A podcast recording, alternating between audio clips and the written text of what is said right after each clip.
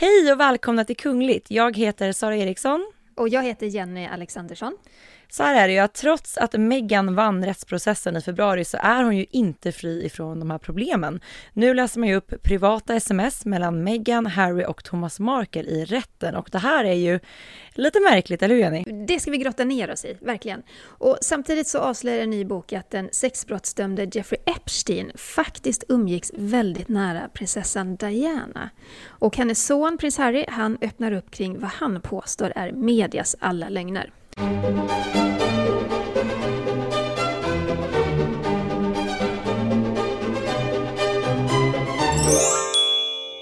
Ja, det är intressanta ämnen, men först så ska vi börja med att landa här i Sverige och prata om Nobelfesten, för även i år är ju den inställd, som ni säkert vet. Men vi kommer ändå att få njuta av lite kunglig glans, eller hur Jenny? Ja, det är ju så att pristagarna de tar emot sina Nobelpris i sina hemländer och det sänds ju digitalt. Men allt det här ska ramas in av en direktsänd eh, ceremoni från Blå hallen och eh, kungen han kommer att hålla ett tal och eh, på plats så kommer vi även att se kronprinsessan Victoria och prins Daniel och självklart drottningen såklart. Jag tycker att det blir lite intressant och frågan är om kungligheterna liksom klär upp likt, eh, likt vanlig ordning i samband med mo no Nobel, vad säger jag, Nobel.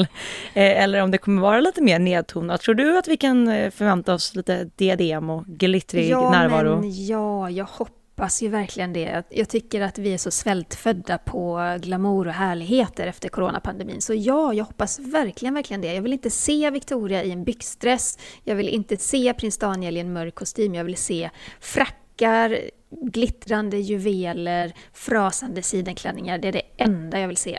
Det var som vi pratade om förra året när vi spelade in våran julspecial, vad vi önskade inför 2021 och då har jag för mig att, jag vet inte om det var du eller jag som sa att vi önskade oss ett smörgåsbord av glittrande diadem, så att vi kan väl i alla fall få det. Ja, det var det man hade hoppats på efter, efter den här mm, ganska tråkiga hemmasittarperioden, att man äntligen skulle få se kungligheterna i, i Blå hallen och gick på Konserthuset och träffade Nobelpristagarna och minglade med politiker och, och, andra människor. Men nej, det blev ju inte så tyvärr. Men jag hoppas att de ändå gör, att de ändå ramar in det här på ett väldigt gnistrande sätt. För det tror jag alla skulle bli väldigt glada över.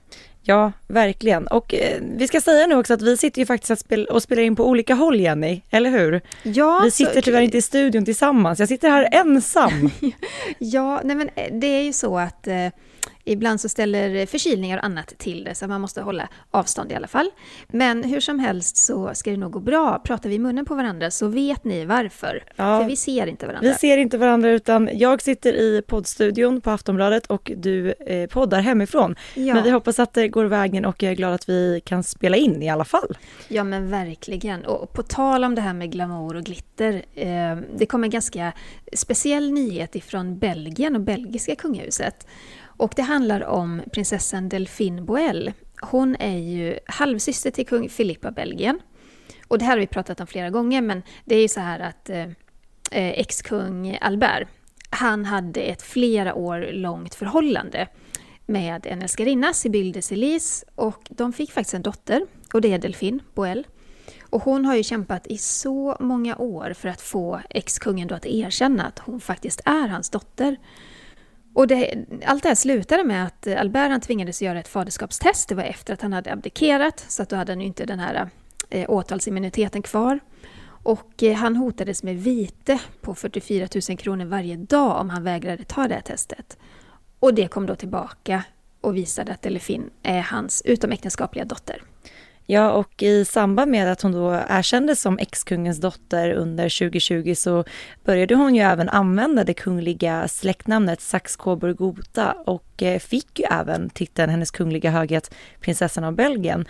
Och det var ju en domstol i Bryssel som gav henne rätten till titlarna. Och här blev ju vi lite förvånade, kommer du ihåg det Jenny, över att vi trodde ju ändå inte att hon skulle tilldelas den här titeln. Nej, men jag trodde inte liksom att, eh, att rätten att en tingsrätt i Belgien kunde liksom dela ut kungliga titlar. I Sverige så gör ju kungen det. Mm. Eh, det är lite annorlunda, jag tror att det skiljer länderna åt. Och, eh, men det är ändå så att prinsessan Delfin hon har tagits emot väl av kungafamiljen. Hon har ju deltagit i flera officiella sammanhang. Men det som är speciellt nu, det är, och där blev vi nog alla lite förvånade, ja. att Delfin, hon som är konstnär och verkar vara en helt eh, fantastisk person, men hon är dock nu en del av kungafamiljen. Hon ska delta i tv-programmet Dancing with the Stars. Alltså visst går det att jämföras, det är väl lite som Let's Dance va? I Sverige, Ja. det är väl den typen av program. Ja, Och eh, Delfin då har sagt att hon deltar till förmån för välgörenhet som oavkortat då ska gå till organisationen Make-A-Wish och jag tror att det är lite liknande Min stora dag i Sverige, alltså att man hjälper barn som av olika anledningar eh, inte kan eh, leva friska liv och sådär, att få uppleva sina drömmar. Eh, Eh, och då gör hon det alltså till förmån för välgörenhet. Och det kanske är det som gör att hennes medverkan ändå är lite förlåten, för annars är det ju ovanligt, eller det har väl aldrig hänt att kungligheter förekommer i den typen av tv-program och tv-produktioner. Nej, en italiensk eh, prins, eller vad ska man säga, han är inte prins för han har inget kungadöme, men eh, det fanns en italiensk prins som var med i Dancing with the Stars i, eh, undrar om det var Storbritannien eller Ah. Italien. Mm. Eh, så det har hänt tidigare, men då, då är det ju liksom inte ett regerande kungahus, utan och det kanske är det som funkar med Delfin också, att hon är inte liksom infödd prinsessa och hon har kommit utifrån på ett sätt som har varit lite skandalomsusat. Ehm, så kanske är det därför som det ändå accepteras och, och funkar. Eller Ja. vad tror du? Men å andra sidan skulle hon ju aldrig ha varit med i programmet Dancing with the Stars om hon inte hade nu blivit prinsessa. Så det är ju också en, en Mm. vinkel av det hela. Ja. Men eh, i samband då med att den här medverkan blev offentlig så berättade hon att hon drabbats av corona för en tid sedan och att hon fortfarande känner sig svag eh, fast hon liksom eh, känner sig frisk i övrigt men att den här coronan då har gjort henne svag. Så att eh, hon tyckte väl dels att det var en utmaning nu att börja dansa och träna på det här sättet. Eh, så vi får se hur hennes medverkan går. Men det här kommer Mm. vi att följa såklart. Absolut. Men vi ska gå över till Storbritannien, för där slutar det aldrig hända. Spännande saker. Det tar aldrig slut tar på aldrig slut. skandaler i det mest, eh, vad ska man säga, de, i de lugnaste vatten, eller vad är det man Mm. säger? Ja. Här kan vi säga i de mest stormiga vatten verkligen. Ja. För att, eh, vi ska prata om prins Andrew. Och eh, han är inblandad i en rättsprocess. Eh, tidigare i år så stämde Virginia Roberts prins Andrew i ett civilmål i New York. Och eh, Virginia Roberts på, eh, anklagar honom för våldtäkt och menar att hon tvingades ha sex med prinsen tre gånger när hon var 17 år. Och det var ju i samband med att prins Andrew umgicks med den sexbrottsdömde Jeffrey Epstein. Och eh, de här förhandlingarna har ju pågått. Eh, det här skulle leda fram till en, till en rättegång om inte parterna förlikar med varandra. Och, och det var så här att prins Andrew hade då fram till den 29 oktober på sig att svara på anklagelserna. Eh, och man hörde ingenting från prinsen, vecka ut och vecka in, bara tystnad. Men på den sista dagen så levererade hans advokater ett eh, 36 sidor långt svar på anklagelserna. ja, och det var ju verkligen en kraftfull attack eh, alltså mot och på offret Virginia Roberts. Ja, och i de här dokumenten så framställs Virginia som en lycksökerska som då satt i system att stämma de män som eh, befunnit sig kring Jeffrey Epstein. Och i dokumenten finns en artikel medskickad där en för detta pojkväns syster till Virginia beskriver henne som en pengahungrig sexgalning och under en period även en person som rekryterade andra unga kvinnor in i prostitution. Så att det här är ju väldigt hårda ord tillbaka. Ja, men det, jag tycker är en kraftig attack. Och det här har ju såklart skapat eh, mycket reaktioner. Och många reagerar ju återigen då på att, eh, prins Andrew inte visade minsta sympati för de här unga kvinnorna som utnyttjades av Epstein. Han har inte uttryckt någonting kring de drabbade överhuvudtaget. Och eh, Karen Ingala Smith, hon, hon jobbar på organisationen NIA i London. Och de jobbar med sådana här offer. Och hon säger så här Eh, till brittiska medier att hans brist på empati och förakt för våldtäktsoffer är bedrövlig. Och det är grovt oärligt att å ena sidan hävda att sexuellt våld är avskyvärt och å andra sidan stämpla de som söker upprättelse som oseriösa lycksökerskor. Och här kan man ju verkligen säga jämföra prins Andrew och Kate, tänker jag. För Kate, kommer du ihåg de här morden som var på kvinnor i London under sommaren och hösten? Mm. Det var ju flera kvinnor som brutalt eh, mördades.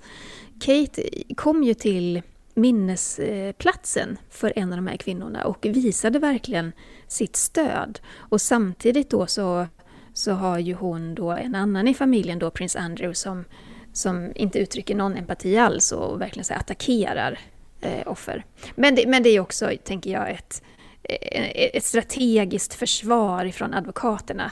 Kanske mm. hade de inte kunnat göra på något annat vis, jag vet inte, men, men det är väldigt hård attack. Men med tanke på att prins Andrew inte har yttrat sig något utöver den här skandalintervjun han gjorde hos BBC. Eh, efter det har vi inte hört någonting. Det enda vi vet är att han blev utkastad ifrån den kungliga värmen eh, och inte längre syns i de officiella sammanhangen. Eh, att det här då var hans första ord är ju väldigt märkligt i sig att han inte har visat någon form av empati eller uttalat sig någonting gentemot Epsteins offer är ju verkligen alltså uppseendeväckande tycker jag. Jag tycker ja, det är för det är jäkligt. Det är ovärdigt. Alltså det är verkligen ovärdigt en, en kunglighet. Okej, nu är han inblandad själv, så nergrötad i den här rättsprocessen. Det är han som står anklagad. Mm. Eh, jag, jag tänker att det här är en strategi. Och det är det här som advokaterna då hoppas på ska kunna ja, men rentvå honom. Mm. Men, eh, men det är bedrövligt, verkligen. Men det här uttalandet eller det här, det här dokumentet som de lämnade, det betyder ju också att det är absolut inte nära något slut i den här twisten ännu, utan eh, var är det vi läser någonstans att man tror att det kommer pågå ända till tills nästa sommar. Vi pratade om det också att det kommer nog att landa ungefär samtidigt som drottningens 70-årsfirande, ungefär mm. i samma tidpunkt. Mm. Eh, och frågan är ifall att vi någonsin kommer att se Andrew mer i de här kungliga sammanhangen. Nej, det, det, det är ju också frågan då ifall de gör upp i godo, de här parterna, eller om det verkligen blir en rättegång. För blir det en rättegång, då är ju det här väldigt unikt. Mm. Det är ju få, om än någon kunglighet som stått anklagad på det här viset för, för våldtäkt. Men eh, ja, hela den här Andrew och Jeffrey Epstein-härvan är ju fruktansvärd och eh, jag tycker att det var väldigt hårda ord ifrån prins Andrews sida och det var inte så mm. att man, man känner med honom på något sätt mer med tanke på, jag menar det finns ju, det ser man ju på sociala medier, det finns ju verkligen två läger när det kommer till hela den här härvan. Eh, men jag tror att alla oavsett eh, står väl, eller ställer sig väldigt, så, tyckte det var märkligt eh, vad de kom med. Mm, ja men verkligen. Ja. Men ingen står över lagen, inte ens en prins av Storbritannien. Tur är väl det. Tur är väl det. Mm. Men vi ska, vi ska fortsätta prata om Jeffrey Epstein för att det har kommit en ny bok om honom. Den heter Too famous och det är den amerikanska journalisten Michael Wolf som har eh, faktiskt publicerat en intervju med Epstein som inte varit publicerad tidigare. Och i den här intervjun så hävdar Epstein att han kände prinsessan Diana och att de flera gånger då sällskapar med varandra på olika event. De, de var ju uppenbarligen vänner då. Men vad det var för event och varför det inte finns bildbevis, det får man inte riktigt svar på i den här boken. Enligt de som har läst den. Jag, jag har inte läst den. Jag har bara läst liksom, utdrag och sammanfattningar. Men eh, man kan väl i så fall gissa att det i så fall rörde sig om event i New York, för det var ju där eh, Epstein ägde ett stort hus och tillbringade mest tid. Han hade ju massa fastigheter men det var väl där han mest bodde. Ja, man ska också komma ihåg att eh, miljardären Epstein satte ett stort värde på att stå nära kungligheter. Eh, hans vänskap med prins Andrew fortsatte ju även efter att han dömdes för sexbrott och Andrew hälsade på honom i New York senast 2010. Och eh, det var innan han återigen ställdes inför rätta och eh, den gången handlade det bland annat om trafficking. Eh, men Epstein dog ju i häktet innan rättegången och man tror att han tog sitt liv.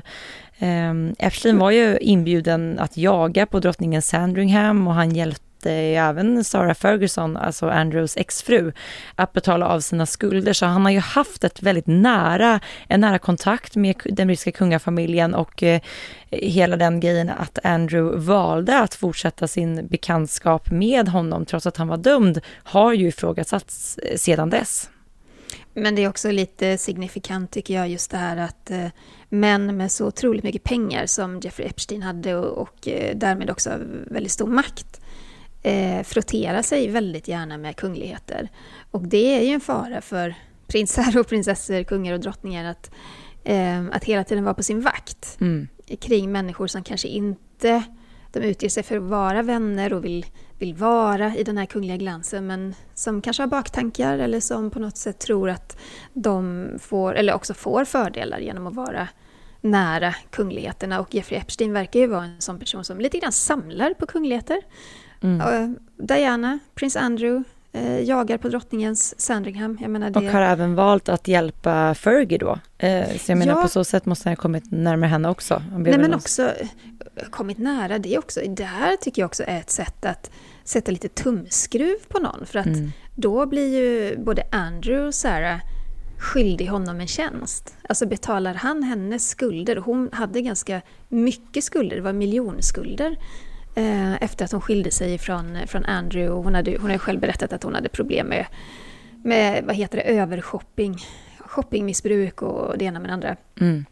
Och då går han in och betalar de skulderna det är klart att man hamnar i beroendeställning till en sån person, eller hur?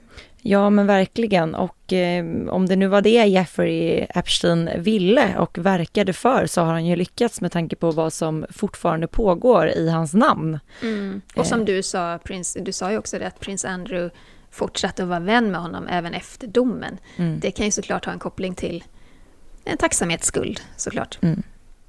Vi ska stanna kvar i Storbritannien, eller både Storbritannien och USA kan man ju säga, för att vi ska prata om Megans, eller det är Australien till och med. Nu är hela världen och pratar. Hela världen inblandad. Vi ska prata om Megans bror. Eh, häromveckan så berättade vi här i podden att Megans bror då Thomas Markle Jr är med i Big Brother VIP Australien. Mm. Och i den här trailern till programmets säsongstart så sa han ju bland annat att Meghan är ytlig och att hon skulle förstöra prins Harrys liv.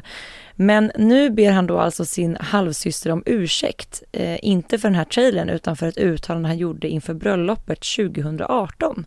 Och visst handlar det här om ett eh, brev från början, eller hur Jenny? Ja, eh, då så skrev han ju ett öppet brev till sin syster. Eller egentligen så skrev han det till Harry, men han eh, beskrev henne som sliten, ytlig, arrogant Eh, det var ganska hårda ord liksom mot både Harry och Meghan. Och det blev ju otroligt mycket rubriker kring det och mycket diskussioner. Men nu ångrar han sig. Och vi tar och lyssnar på hur det lät. Dear Meghan and Harry.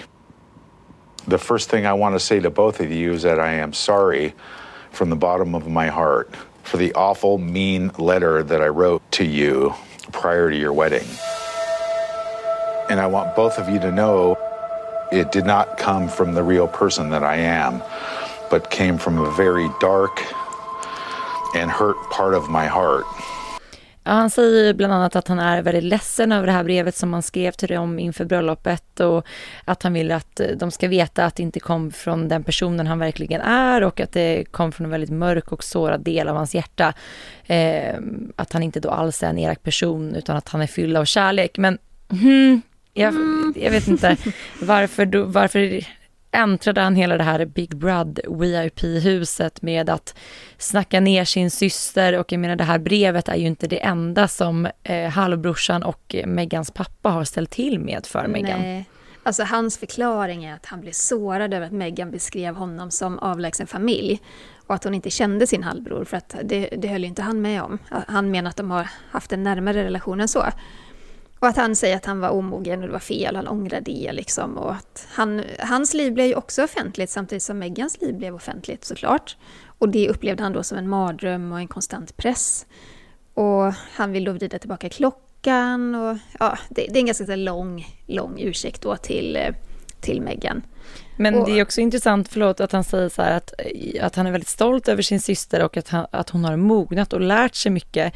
Men bara för några veckor sedan så lät det ju lite annorlunda då i den här trailern. Eh, ja, det gjorde det Det var liksom hon ytlig och skulle förstöra prinsens liv och nu var det kanske tre veckor senare så är han stolt över henne.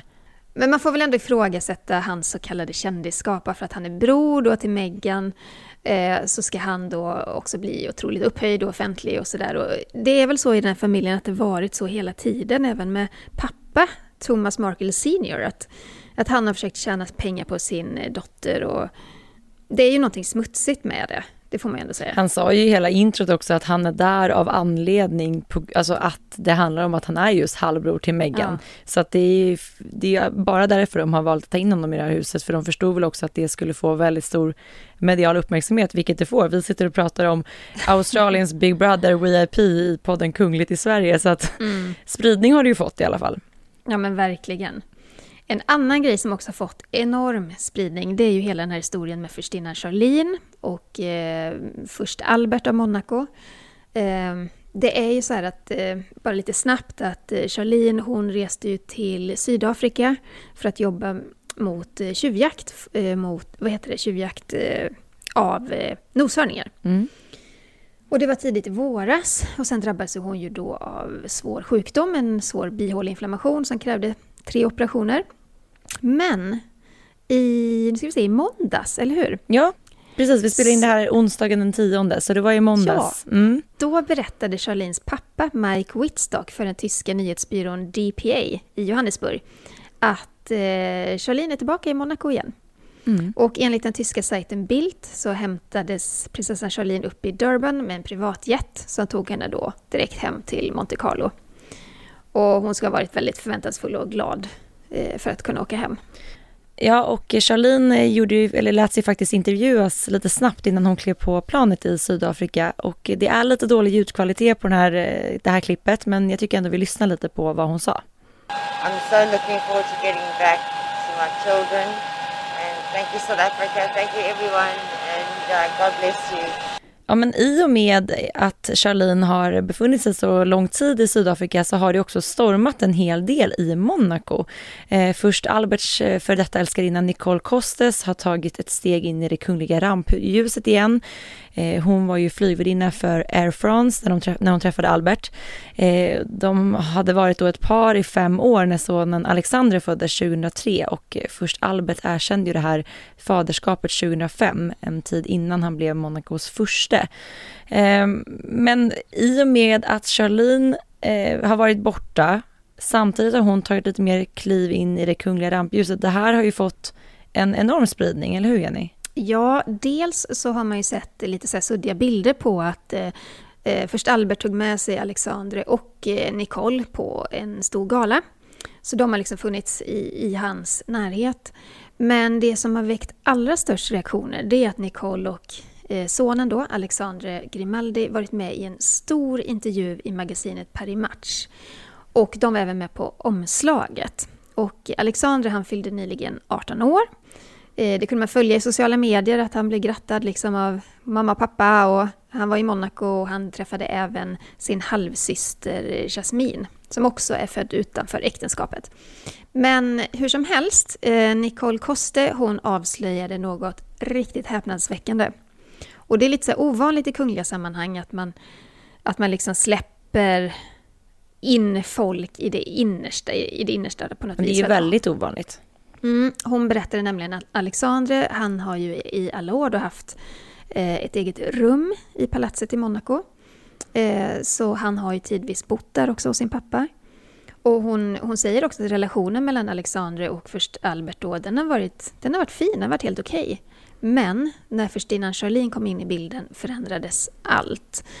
Och enligt Nicole då så var Charlene avundsjuk på Alexandre och började ändra på saker och ting på ett väldigt negativt sätt för Alexandre. Och bland annat så lät hon flytta på den här lilla killens rum till flygen där de anställda bor. Och det här valde hon då alltså att delge i den här intervjun med, med tidningen som de var på omslaget för. Ja men verkligen, och hon ja. sa det också väldigt ärligt så här, att som Alexanders mamma så saknar jag ord för, eh, för det här agerandet.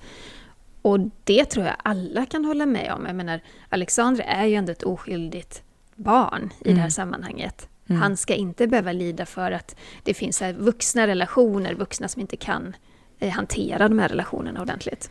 Jag har också tagit del av lite medierapportering kring, kring allt det här och det finns ju de som hävdar då att, att anledningen till att eh, första Albert då tagit med sonen nu på de här officiella tillställningarna och hans mamma mm. eh, ska ha att göra med just att Charlene inte just nu har varit med i bilden för att hon har befunnit sig i Sydafrika. Så det där spär ju på lite den, den brasan. Mm. Men eh, först Albert, han har ju kontrat och han har gjort en eh, riktigt vassa uttalanden i konkurrenten på NDV. Och han säger bland annat att det enda hon hade berättat för mig var att hon skulle publicera någonting. Men jag trodde att det bara handlade om en födelsedagsbild. Detta är opassande. Jag blev rasande när jag upptäckte det. Så han spär ju inte på orden heller. Alltså han är ju... Eh, han tycker ju uppenbarligen att det är dålig stil att mm. någonting sånt här avslöjas i medierna. Men det som heller inte gjorde den här historien lättare eller mindre att man liksom vill spekulera i den handlar ju också om att det här klippet vi lyssnade på, på Charlene när hon lämnar Sydafrika, eh, så nämner hon ju att hon tycker det ska bli väldigt skönt att komma hem till sina barn, vilket man förstår. Men inte ett ord om Albert. Nej, ingenting om sin make. Jag tänkte också på det. Um, och det är ju, alltså de här ryktena har ju hållit på sedan bröllopet. Det fanns ju också rykten som menade på att Charlene rymde några dagar före bröllopet mm. och tog sig till flygplatsen för att hon ville hem till Sydafrika igen, att hon ville strunta i det här bröllopet. Eh, saker hade kommit fram som gjorde att hon inte ville eh, vara en del av det här livet längre. Men att då polis kom och hämtade henne och förde henne tillbaka till slottet och att bröllopet ändå genomfördes jag vet inte om det stämmer, eh, men det pratades otroligt mycket om det och det var ju otroligt mycket rubriker i franska tidningar. Ja men sen var det lite som att man ville dämpa de här skriverierna som ändå, det hann ju skrivas en del gällande att hon bara nämnde barnen i, den här, i det här klippet. Eh, så på kvällen då när hon hade landat i Monaco och återförenats med familjen så publicerade hon ju en bild på alla, hela familjen, även med mm. först eh, Albert då och skrev att hon var glad att hon var hemma och hon ville också tacka för allas stöd. Så det var lite för att det kändes lite som att man ville då se, här är vi allesammans, mm. jag har saknat allihopa. Eh, men man vet ju inte vad som pågår bakom slottets väggar. Nej, det vet man ju inte. Eh, vi kommer säkert att få reda på mer kring det här. Det är ju, det är ju, det är ju speciellt att vara borta från sina barn i över ett halvår. Det mm. är det ju. Men apropå skriverier och eh, lite så medial krigsföring så tycker jag att vi passande nog halkar in på veckans Harry och Meghan.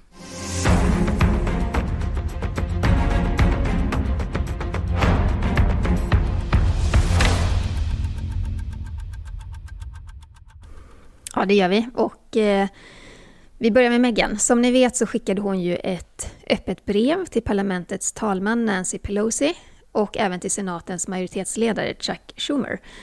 Och det här brevet och dess innehåll det väckte ju starka reaktioner.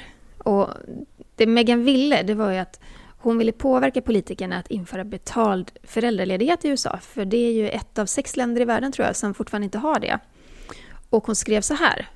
Det amerikanska ekonomiska systemet har passerat bäst före-datum och allt för många amerikaner tvingas ta genvägar när det kommer till det som betyder allra mest för dem.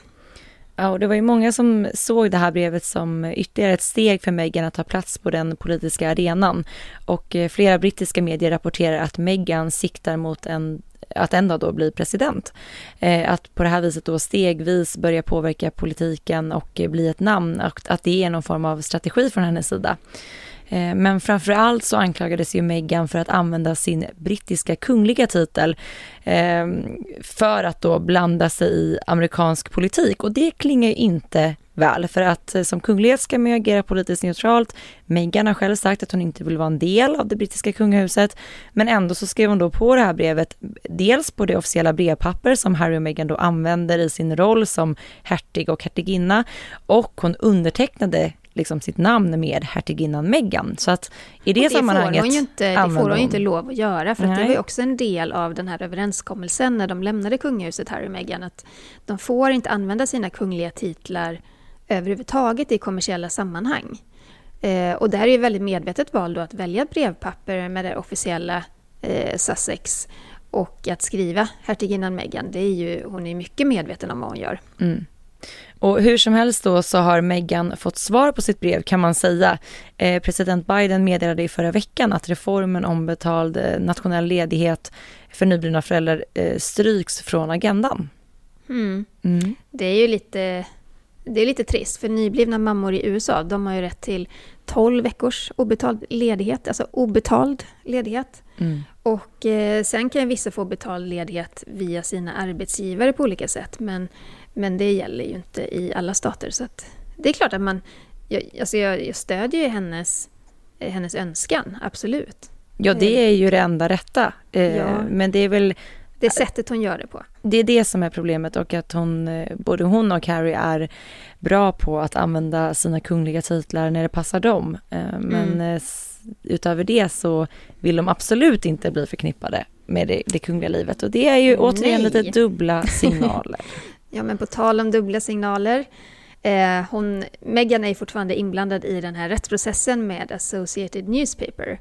Och igår, tisdag, eh, så stod Associated Newspapers advokater inför hovrätten och eh, krävde att få lägga fram nya bevis i den här rättsprocessen mot eh, Meghan. Och, ni vet ju, hon stämde ju Associated Newspaper för att ett par av förlagets tidningar, bland annat Mail on Sunday, publicerat delar av ett privat brev som hon skrivit till sin pappa, Thomas Markle.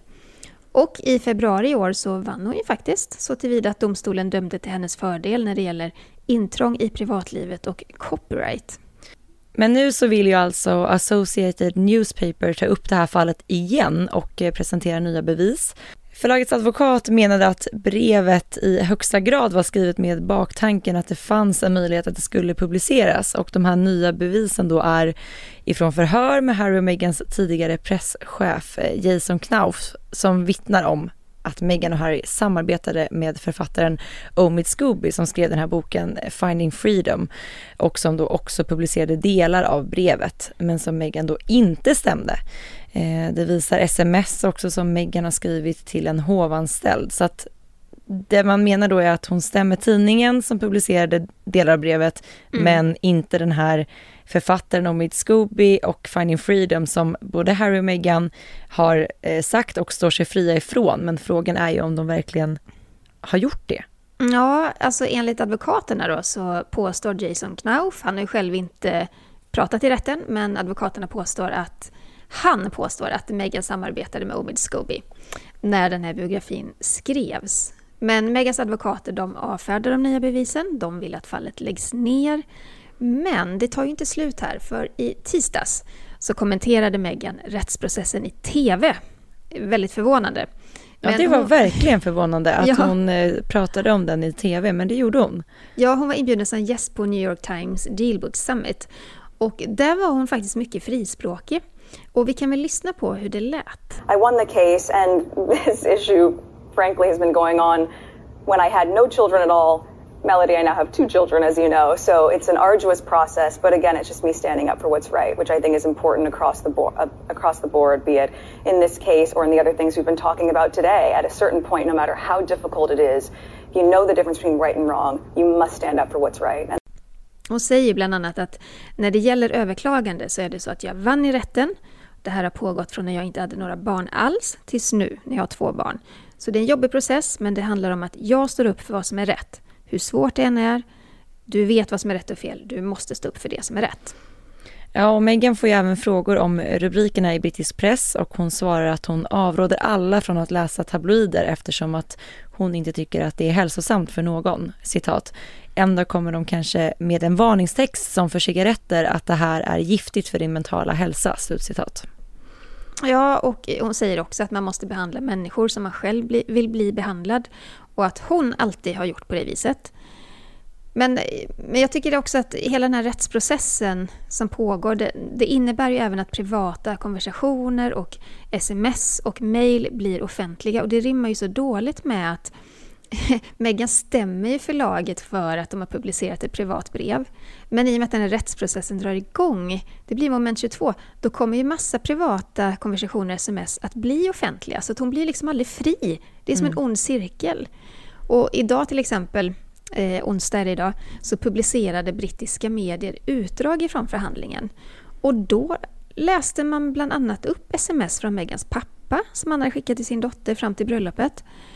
Och de smsen de visar upp en helt annan bild än den som Megans vänner till exempel målade upp i den här jättestora intervjun i People där de försvarade henne.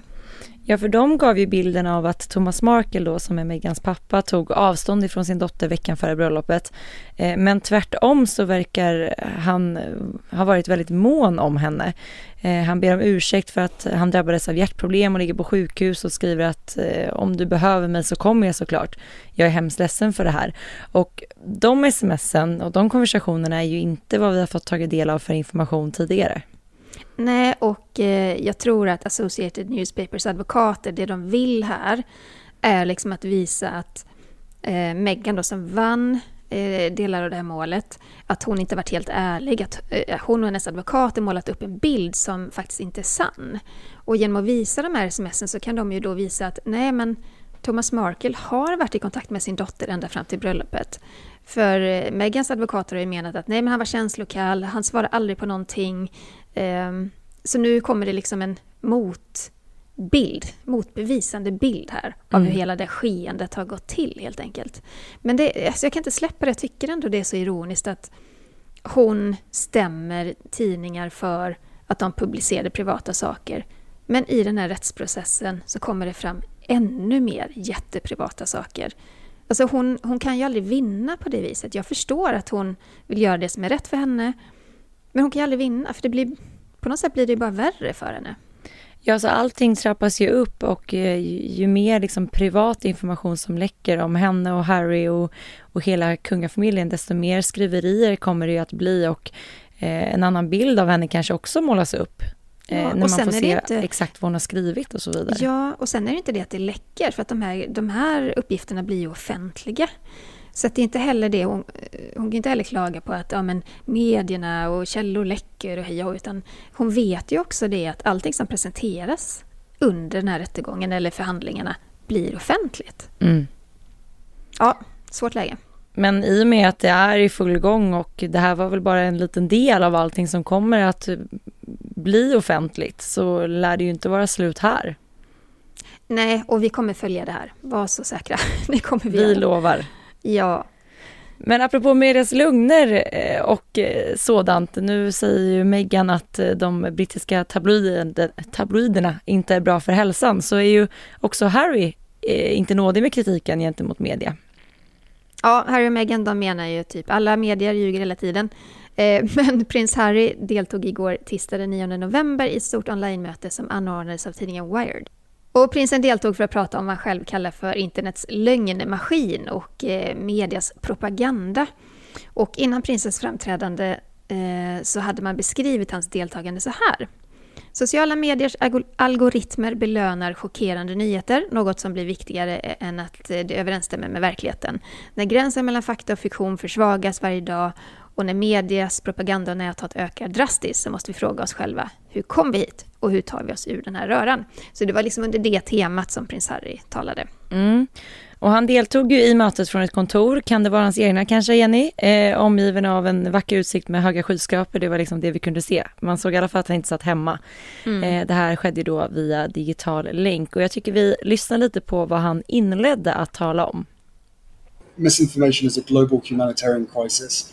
Um, as you quite rightly pointed out, I felt it personally over the years, um, and I'm now watching it happen globally, affecting everyone. Jack and I were, were, were emailing each other prior to January the 6th, where I, I warned him that his platform was allowing a coup to be staged. Uh, that email was sent the day before, and then it happened, and I haven't heard from him since.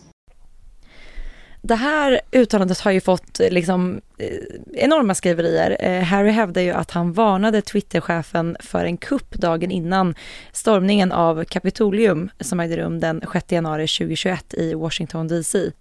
Och Harry säger även att han inte fick och har fortfarande inte fått något svar ifrån Twitters VD Jack Dorsey och han ifrågasätter hur en sådan stor plattform kan tillåta att en sån här kupp planeras och sedan iscensätts. Och eh, Harry pratar ju även eh, i det här mötet om sin egen relation till media och han säger bland annat att han redan i tidig ålder lärde sig att allt som publiceras inte går i linje med sanningen.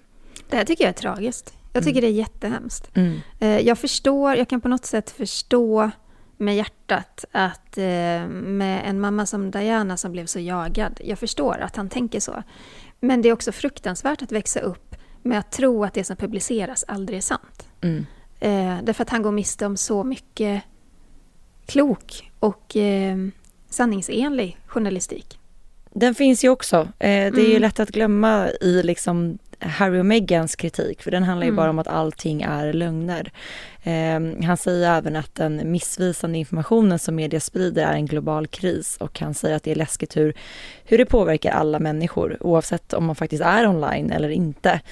Eh, Men det, jag undrar om han liksom tar in det här med sociala medier i detta också. För att då hamnar man också i ett annat läge därför att det är så snabbt och så eh, omfattande kan spridas missvisande information via sociala medier. Jag hoppas att det är det han Det också... gör han. Alltså han, han, men, han pratar ju både om media generellt, men han pratar också om sociala medier. Alltså Mm. hur, hur fort missvisande eller falsk information kan, kan spridas. Och han lyfter ju även problematiken kring det hela, vilket är ett stort problem. Men Mm. också att han, han pekar på att de här stora plattformarna som är de dominerade måste börja ta ett större ansvar i att den typen av information inte ska kunna få en så stor spridning och påverka så pass många människor.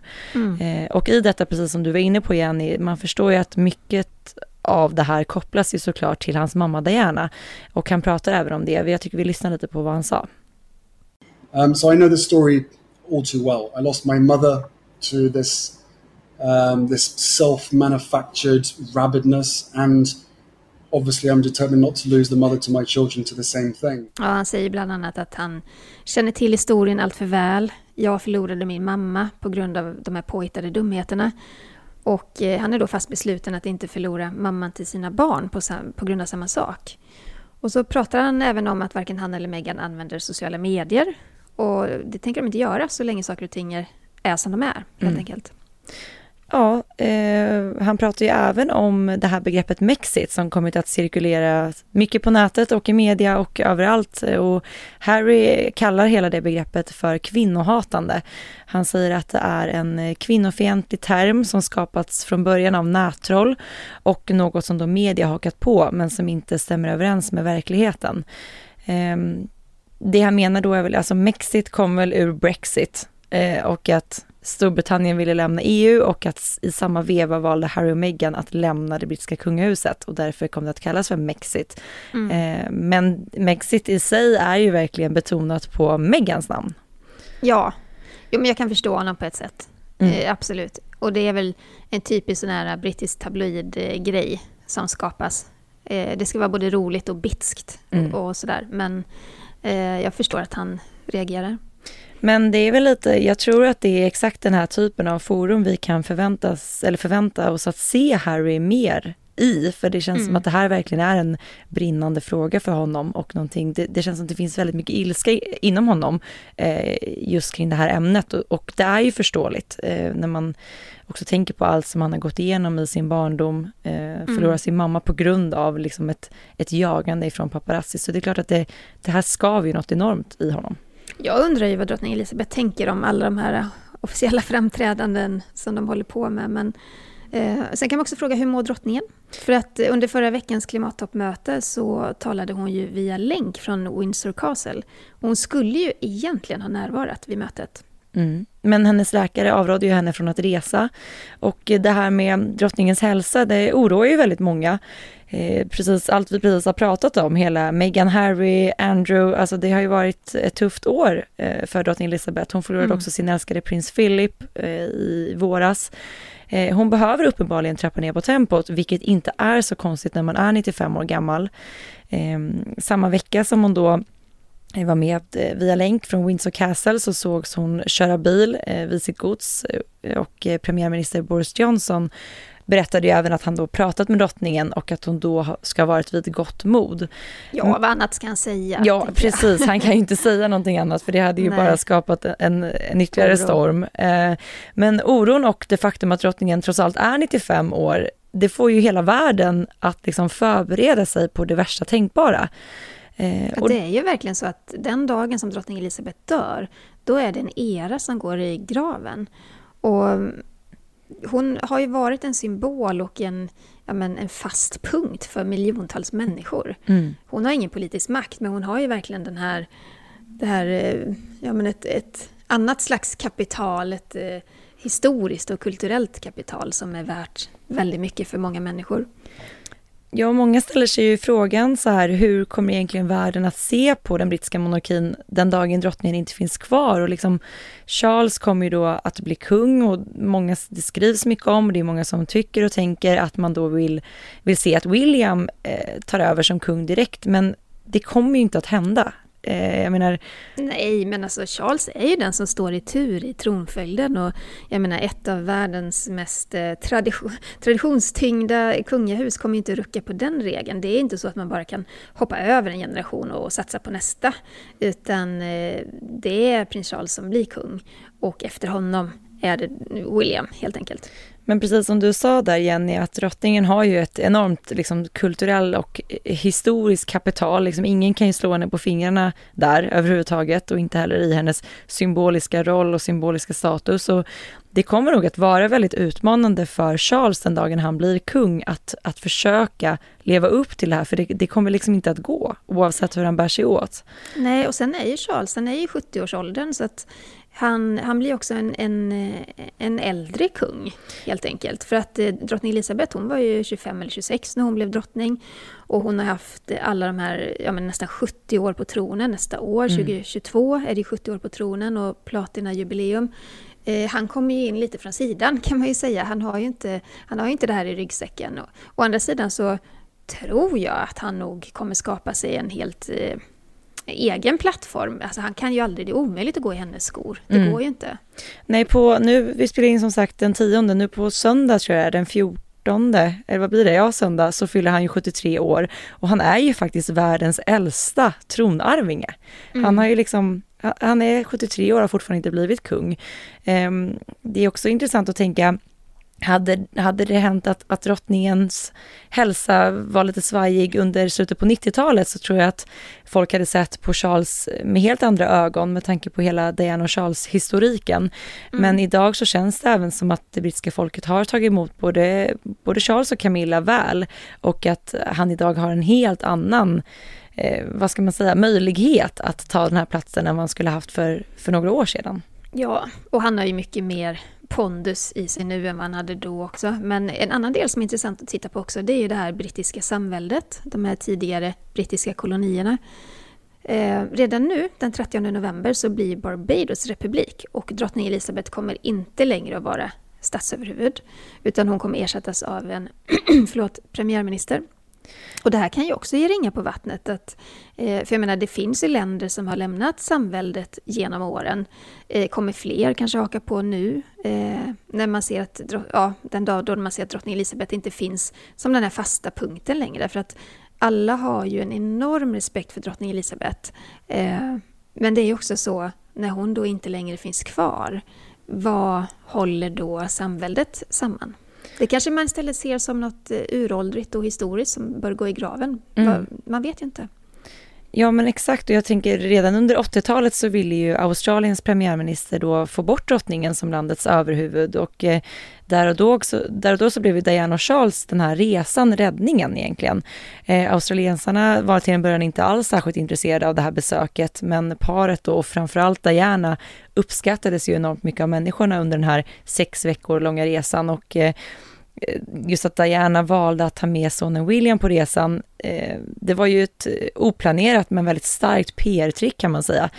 Där och då så visade hon på ett modernt familjeskap och på en mer modern brittisk monarki, vilket då på något sätt vände folket och idag så är ju fortfarande drottningen dess statsöverhuvud. Men vi får se hur det blir framöver. Jag kan tänka mig att den, den dagen drottning Elizabeth inte finns med då så kanske de här länderna ser liksom ett, en chans eller ett, ett, tillfälle att faktiskt eh, byta ut eh, henne och då Charles. Mm. Varför det är många som tänker sig varför ska vi ha en brittisk monark som statsöverhuvud i vårt land? Så att det kan nog ge ringa på vattnet, det tror jag. Mm. Och apropå Diana, nu har man ju faktiskt släppt bilder från inspelningen av The Crown säsong 5. Och det är Elizabeth Debicki som tar över rollen som Diana i den här nya säsongen. Den utspelar sig i slutet av 80 slutet av 80-talet, början på 90-talet. Och eh, man har fått se bilder på, eh, kommer du ihåg den här så kallade hämndkvällen. Om jag gör. ja, Ja. Hon, hon bar en svart klänning, the revenge dress. Den är tydligen fantastiskt lik, men eh, den här kvällen, det var väl efter skilsmässan, eller hur? Nej, men han, hade varit, han hade varit med i en tv-intervju, Prins Charles. Ja, precis. Den här outfiten så ba, den bar ju Diana vid Vanity Fairs eh, tillställning i London 1994 och det var ju samma dag som prins Charles då i den här tv-intervjun erkände sin otrohet med Camilla Parker Bowles. Ehm, och vissa kanske hade valt då att hålla sig inne och undvika kamerorna en sådan kväll, men inte Diana. Hon visste ju att alla skulle titta på henne och den här klänningen blev också ett sätt att kommunicera utan ord. Eh, och det genomtänkta valet skapade ju faktiskt fler rubriker än Charles erkännande och eh, det var liksom lite där då också som den här mediala krigsföringen mellan paret eh, liksom trappades upp än Mm. mer. Eh, men som sagt, den här klänningen som man då har återskapat i The Crown är faktiskt slående lik. Den är väldigt lik. Ja, men den var tight, den var svart, Mm. den var kort. Och det, det var Chris, eh, Christina Stambolian som hade mm, skapat den. Det var lite så draperad chiffong, hon, hon bar så choker av pärlor runt halsen, eh, klarröda naglar. Alltså hon var ju stunning. Smashing. Smashing och stunning, Ja. ja. Eh, men det, säsong fem då av The Crown beräknas ha premiär om ett år, i november 2022. Är vi taggade, Jenny? Jo, men jag är taggad. Jag, jag, jag älskar The Crown eh, som dramaserie. Jag tycker den är fantastiskt vackert gjord och verkligen välgjord. Men det har varit kontroverser kring den och det gick ju så långt så att en minister i, i Storbritannien då krävde att Netflix skulle märka serien som just dramaserie för att det var så många som reagerade så starkt på olika saker i den. Men, ja, men det är klart att jag ser fram emot den. Du då, Sara? Jo, men jag är supertaggad. Jag tycker att det här, det är väl en av de mest påkostade tv-serierna någonsin och det förstår man ju för just alla miljöer, alla kläder har ju verkligen återskapats på ett unikt och väldigt professionellt sätt. Och sen har de ju också lyckats kasta på ett väldigt bra sätt så att eh, jag hoppas nu att, att även den här Diana-rollen blir lika bra som den förra. Mm. Ja, det här är ett avsnitt som är öppet för alla att lyssna på. Du har säkert hittat det via Aftonbladet eller så har du hittat det på Acast eller någon annan av de här plattformarna.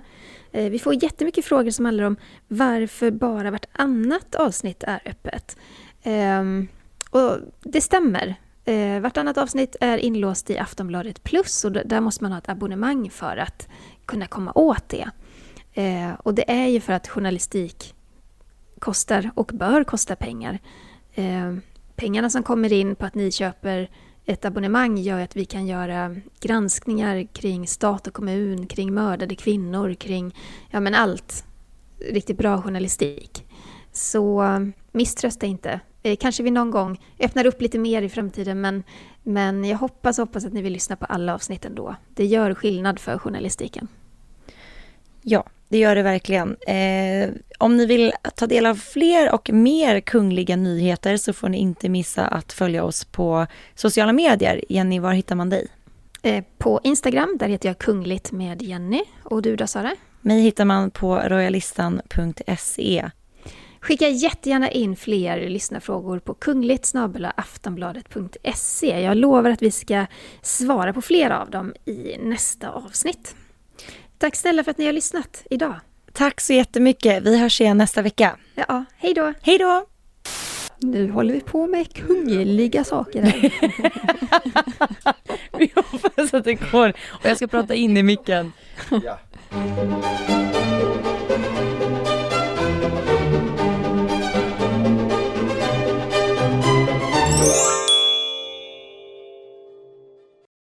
Du har lyssnat på en podcast från Aftonbladet. Ansvarig utgivare är Lena K Samuelsson.